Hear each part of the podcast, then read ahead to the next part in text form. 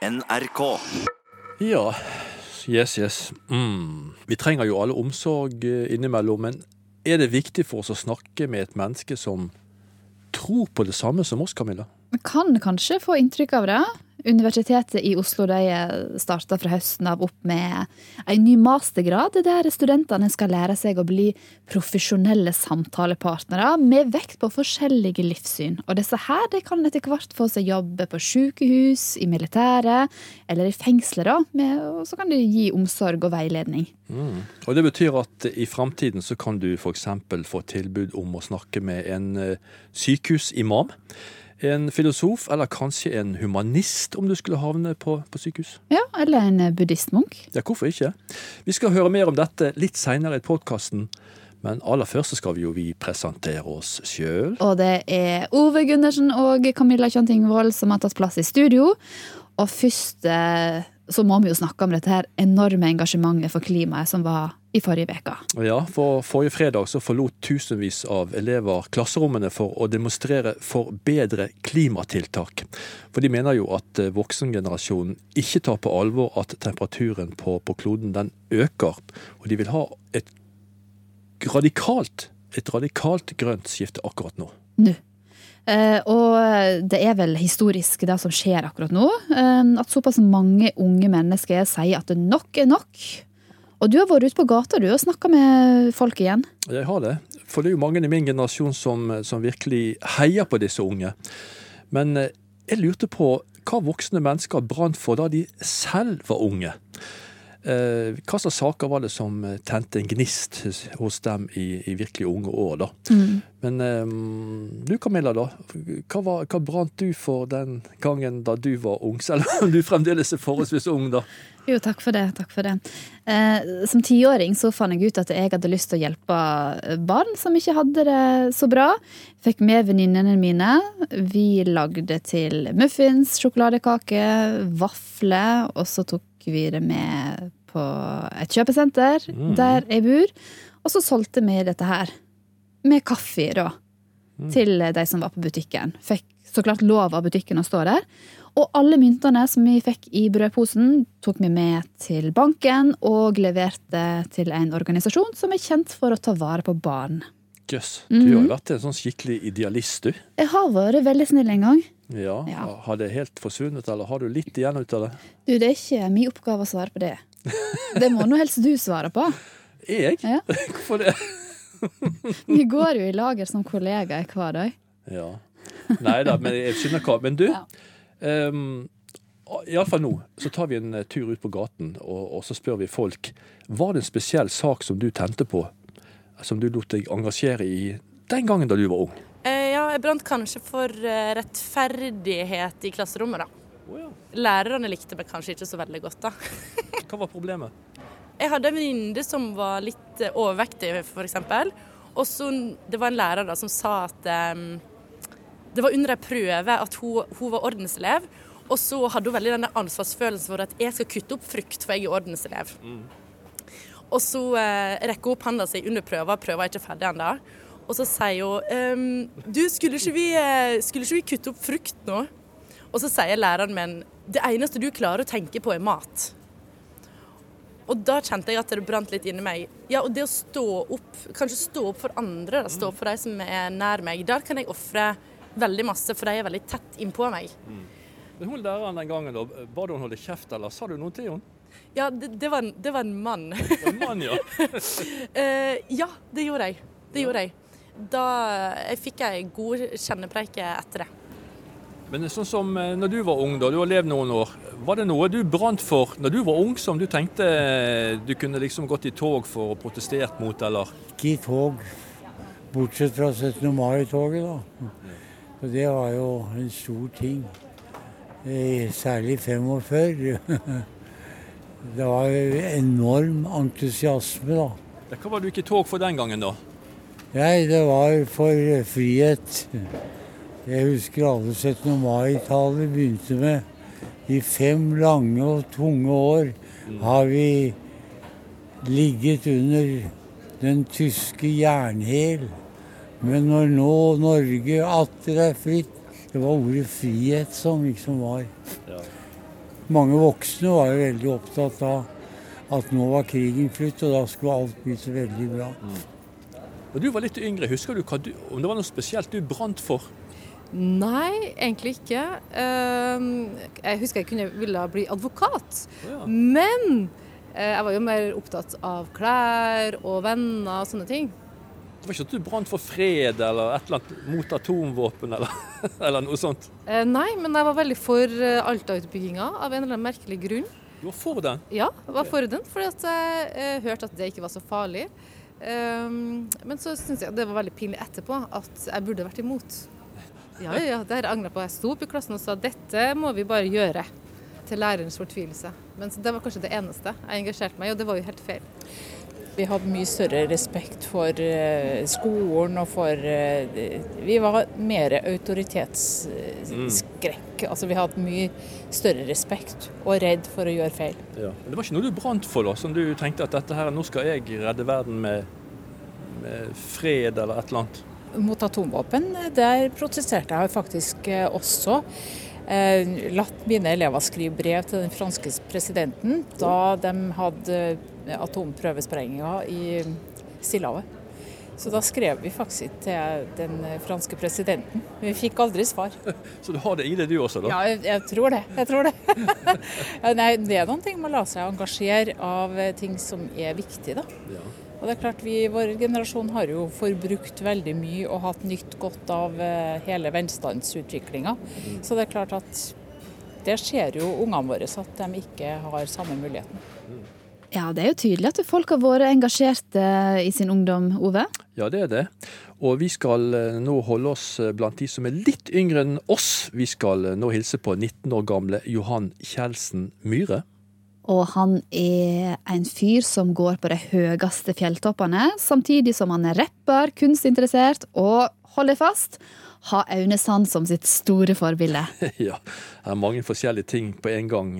Men hva slags bås skal vi sette han i, da? Ja, for det er nettopp det med bås. Hva slags hylle eller bås plasserer vi denne fyren på? Um, og hvorfor er det så viktig, egentlig, at vi står nå og altså, prøver å finne ut hva slags bås han passer i? Johan han eh, syns at eh, han ikke passer noen plass, og eh, syns det er dumt at folk alltid prøver på det. Men han skjønner jo også samtidig at, eh, at folk har litt problem da, med å skjønne hvem han er innimellom. folk, folk blir jo overraska. De blir jo veldig sånn eh, De vet fort heller ikke hva, hva de skal si. Fordi hvis du sier alt på en gang, så blir de fort sittende litt stille, og de får så mange tanker, tanker i hodet at de blir fort litt, bare litt stum og ikke vet hvor de skal begynne med, med spørsmålene eller, eller lignende. Han er så veldig mye på en gang. 19 år gamle Johanne Kjeldsen Myhre.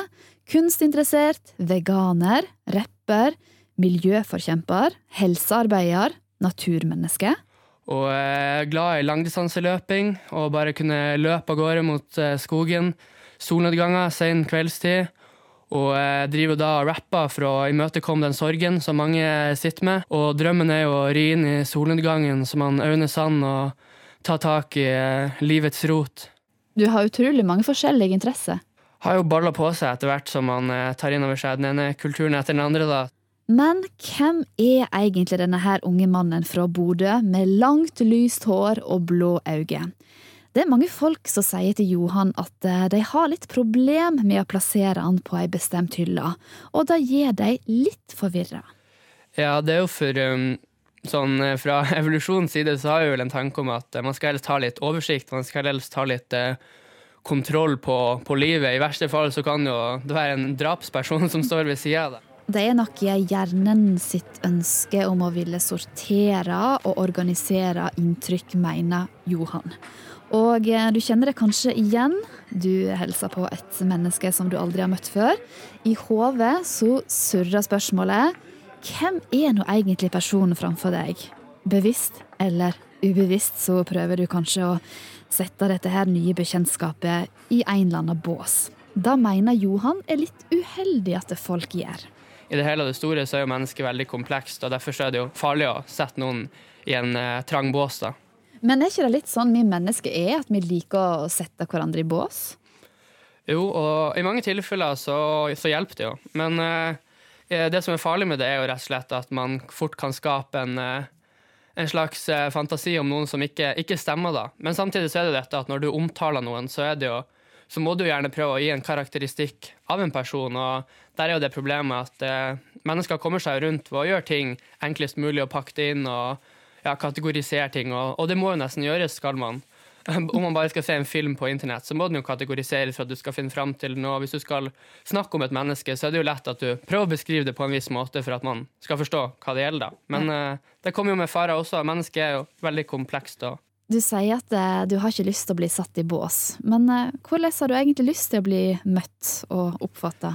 Som folk rett og slett er åpen, og det er, aldri, er ennå ikke skapt noen robot som kan forutsi helt nøyaktig hva en person uh, liker om, eh, om man spiser fisk på torsdager eller spiser eh, grønnsaker på søndag, så er det ikke noen robot som kan forutsi eh, hvilke hobbyer han gjør på, på tirsdag. Og hvis man skal få, få, venner og skape fred, så er det en av de store tingene er i hvert fall å, å, ikke, å ikke tro at den personen ikke kan ha masse gode kvaliteter, selv om de gjør noe som du kanskje ikke syns er gøy sjøl. Johan Kjeldsen Myhre, her under artistnavnet Alfa BT. 19-åringen altså, som ikke har lyst til å bli satt i bås. Men på tirsdag 26. februar så får vi vel kanskje likevel se mest av naturmennesket Johan når han har hovedrolla i programmet Helt alene på NRK1 klokka 19.45. Kunstnersjelen skal for eh, første gang ut på langtur helt alene. Han har valgt seg det mektige Saltfjellet som, som turmål. Og dette programmet kan du altså se når som helst på NRK TV. Mm. Jeg eh, syns ikke det er så veldig kjekt å snakke om sykehus, men hvis du, Ove, skulle havna der en gang og skulle trenge noen å snakke med eh, Så klart du har familie og venner, men, men hvis det er noen som på en måte skal hjelpe deg å se litt større på ting, hvem er det du helst eh, ville skulle sett seg ned med deg og lytta og gi omsorg? Ja, det var et stort spørsmål, egentlig. Men for meg så tror det kommer mest an på personen. Ikke så veldig viktig om vedkommende er enten muslim eller eh, kristen eller hva som helst, egentlig. Mm. For uh, dette handler jo ofte om de allmenne tingene som uh, ja, for meg er person viktigere enn troen, akkurat i den sammenhengen her. Ja, men det er jo interessant. For vi kjenner jo til disse sykehusprestene. Um, men altså, det kan jo hende at andre føler det på en litt annen måte enn deg, Ove. Føler at en prest kanskje ikke passer så godt ja, for nettopp deg. Kanskje er du buddhist og kunne tenke deg å snakke med en buddhistmunk. Og det som er greia her, det er at det, det kan kanskje skje en gang i framtida at du får spørsmål om dette her. Ja, for en uh, ny masterstudie ved Universitetet i Oslo den skal da utdanne samtalepartnere med forskjellig bakgrunn. Sånn at du og jeg i framtiden kan ha flere å velge mellom, om vi f.eks. skulle havne på et sykehus. da. Mm, men før vi kommer så langt, eh, så tar Lise Sørensen med seg temaet på gata og spør hvem ville du helst ha snakka med om du trengte å slå av en prat med noen på sykehuset? Nå er jeg medlem av eh, Human-Etisk Forbund, ja. og jeg var faktisk ned en dag og snakka med dem. Fordi at jeg er i en livssituasjon da, som kanskje kan ende opp med død. da. Jeg har noen som er veldig syk, som er veldig nærme. da, nærme. Altså, jeg var faktisk der og snakka med dem en dag, og det syns jeg gjorde meg godt. da. Så jeg tror faktisk det at eh, hvis at noen tror på det samme som du sjøl, eller ikke tror, da, så er det lettere å åpne seg, tror jeg. Hvorfor tror du det er sånn? Fordi at jeg vet ikke, du får kanskje en, eh, en annen eh, kontakt, da. Du kan fortelle det du føler, ikke sant? istedenfor at du skal kanskje fortelle til noen du ikke føler, føler det samme som deg. da. Jeg tror ikke det hadde hatt så veldig mye å si. Eh, så lenge den personen er villig til å høre på meg og gi råd, så har det ikke så veldig mye å si hva de tror. på en måte. Jeg respekterer at andre kan tro forskjellige ting enn meg, så lenge de respekterer mine troer. Så det, ja, jeg kunne gjerne snakka med en sykehusprest, selv om jeg ikke er religiøs sjøl. For det, han har sikkert en uh, insight som ja, en mer spirituell uh, side, da, som kanskje kan hjelpe å løfte humøret litt. Som jeg kanskje ikke tenker på sjøl. Hvordan hadde det vært å snakke med en sykehusbuddhist, da? Eller en sykehusimam?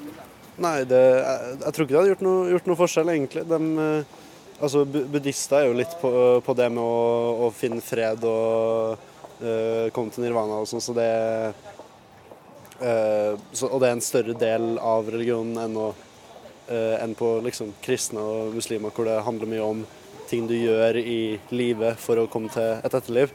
Uh, hvor buddhismen er liksom du kan, du kan, finne fred i det du dør, og det Det, det har vært fint, det òg. Enn du? Hva du ville? Ja, jeg hadde definitivt villet snakke med en uh, buddhist. uh, fordi, som han sa, det er litt mer på å finne fred med deg sjøl heller enn det du har gjort.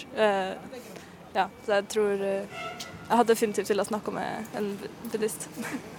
Religion spiller ingen rolle, nei. Nei, Hvorfor ikke? Det er jo ikke det som viser mennesket hvilken religion du har. Så du kunne ha gått og snakka med en imam, eller Ja, ja, ja. ja, ja. Det hadde ikke vært noe forskjell? Nei. nei. Ja, For noen uh, er det uviktig å snakke med noen med samme tro, mens uh, andre helst kunne ha lyst til å og tatt en prat med en omsorgsperson som tror på det samme. Og akkurat nå så skal vi høre om, om, den nye masteren ved Universitetet i Oslo, som skal utdanne profesjonelle samtalepartnere som i fremtiden kan tilby åndelig og eksistensiell omsorg i Forsvaret, i kriminalomsorgen eller rett og slett på sykehus. Mm. Og Kanskje vil du merke det hvis du er øh, øh, pasient på et sykehus om noen år. Så kan øh, personalet komme til deg og spørre vil du ha en samtale med en prest, eller vil du ha en samtale med sykehusimamen, sykehushumanisten eller kanskje med en filosof. Jeg heter Anne Hege Grung, og jeg er førsteamanuensis i interreligiøse studier og praktisk teologi ved Det teologiske fakultet på Universitetet i Oslo.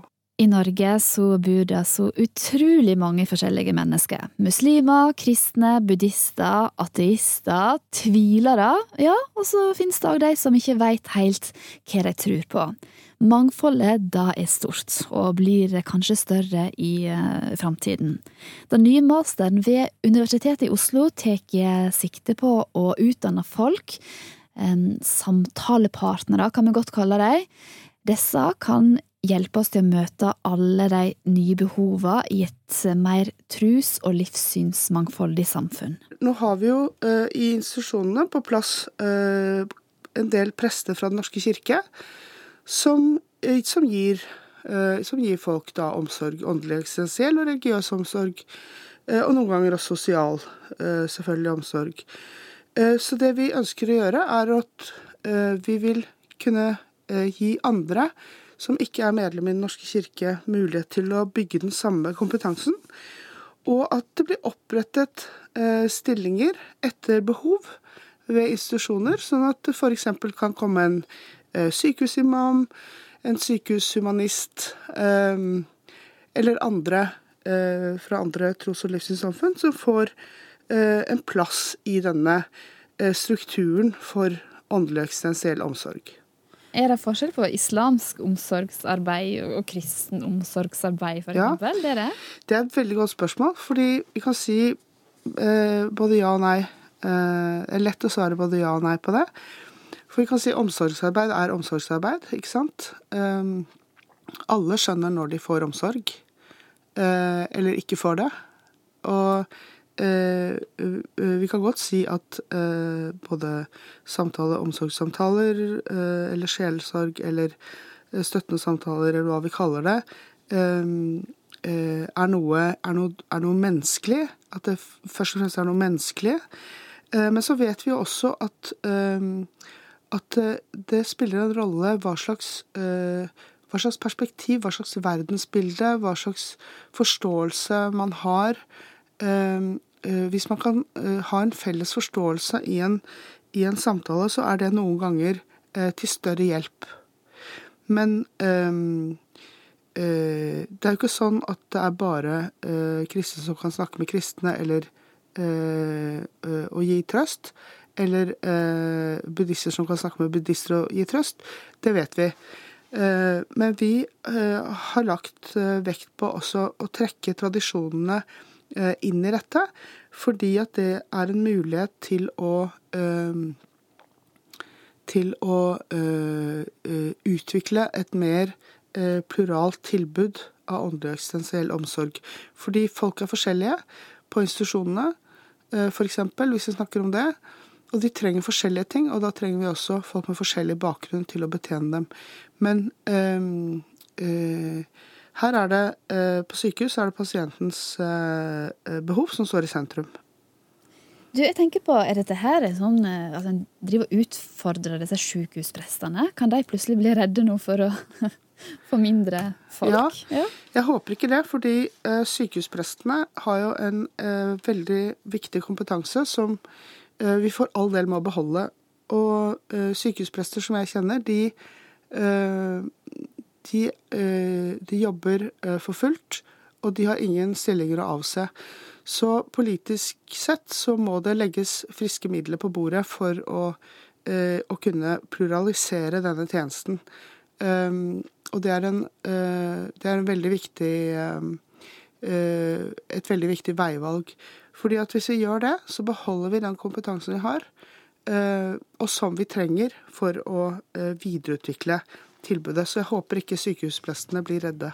Det nye masterstudiet heter Lederskap, etikk og samtalepraksis, og starta opp ved Det teologiske fakultet, Universitetet i Oslo til høsten. Anne Hege Grung, som vi hørte her, har et overordna faglig ansvar for eh, innholdet i masteren. og kan jo hilse fra henne og si at hun gleder seg stort til at eh, denne masteren skal komme i gang. da. Ja, og så er det sånn at det er bred politisk enighet om viktigheten av å etablere et sånt utdanningstilbud.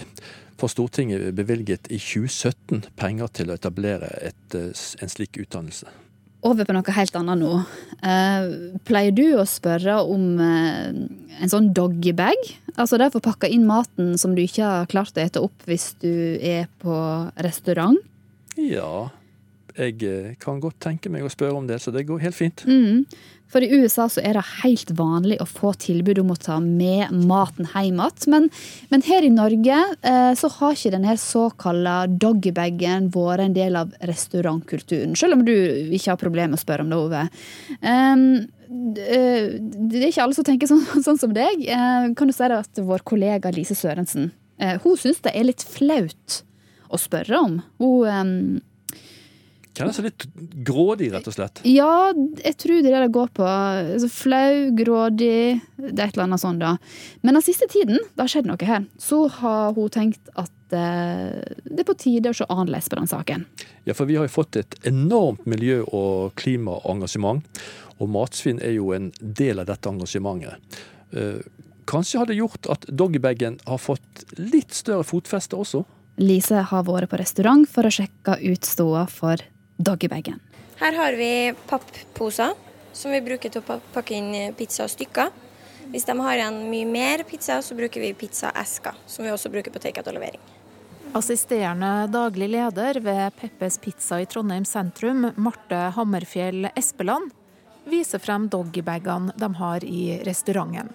Hun sier det er helt vanlig at gjestene tar med seg maten de ikke spiser opp hjem. Det har blitt veldig ofte nå i det siste.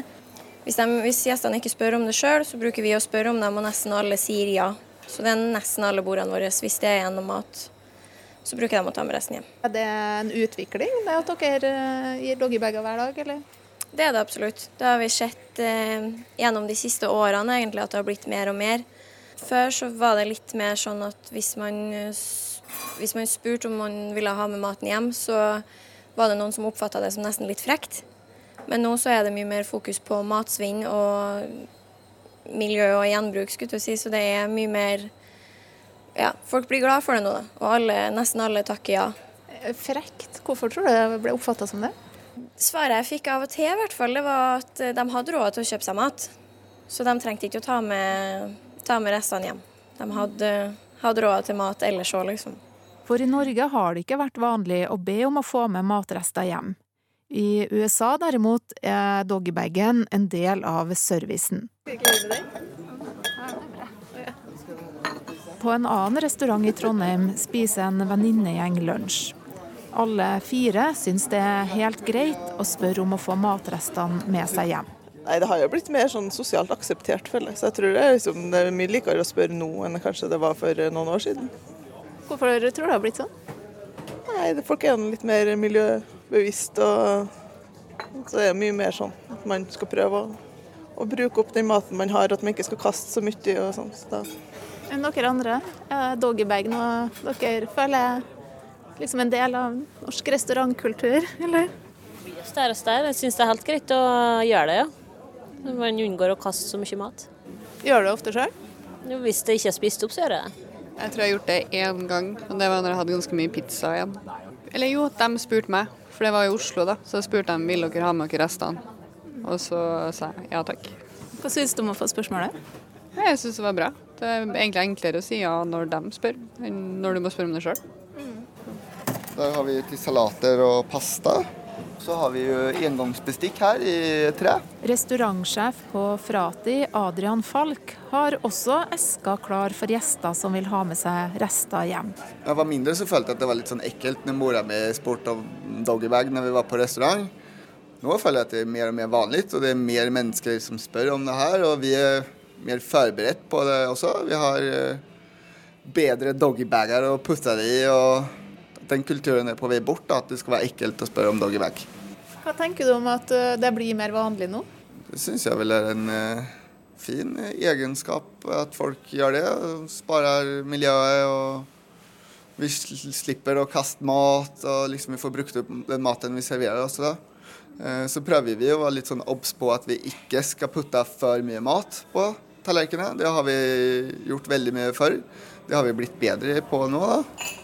Store porsjoner kan også være grunnen til at det har vært mer vanlig med doggybag i USA enn her i Norge.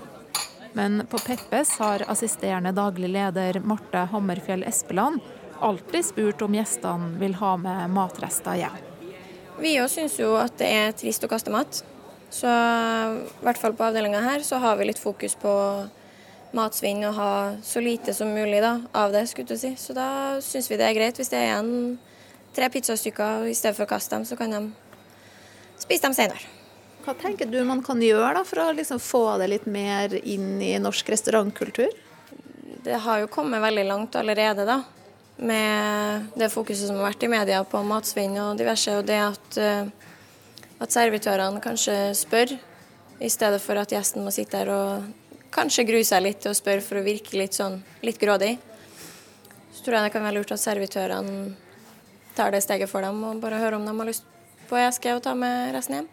Ja, det er for så vidt sant, men jeg sjøl har aldri hatt problemer med å spørre om å få med meg maten hjem igjen fra restaurant, altså det som ikke er greit opp. Mm. Men jeg tenkte jo på en ting her, at eh, kanskje det bør hete noe annet enn doggybag. Det høres liksom så, så, det høres så teit ut. Ja. Eh, matreddereske, det har jeg lest et forslag om, men eh, Kanskje bare en pose. ja. Men altså, matredderesker jeg, altså, jeg er jo fan av å, å, ta i bruk norske ord. Altså finne ord som vi eh, kan bruke her til lands. Mm. Du, jeg, jeg, stemmer for det. Det er litt sånn positiv sjung over dette uttrykket, syns jeg. Vi lar det bli matreddereske. Matreddereske. Mm. Du, det får bli med det. Podkasten er over for denne gang. Ja. Ove Gundersen og Camilla Kjønn Tingvoll. Mm. Vi skal begynne å jobbe med neste sending ganske snart. Vi skal bare holde oss litt frukt eller et eller annet for å kvikke oss opp litt, så er vi i gang igjen. Så er vi i gang igjen. Ny podkast neste mandag, altså. Vi høres da. Det gjør vi. Ha det. Ha det. NRK.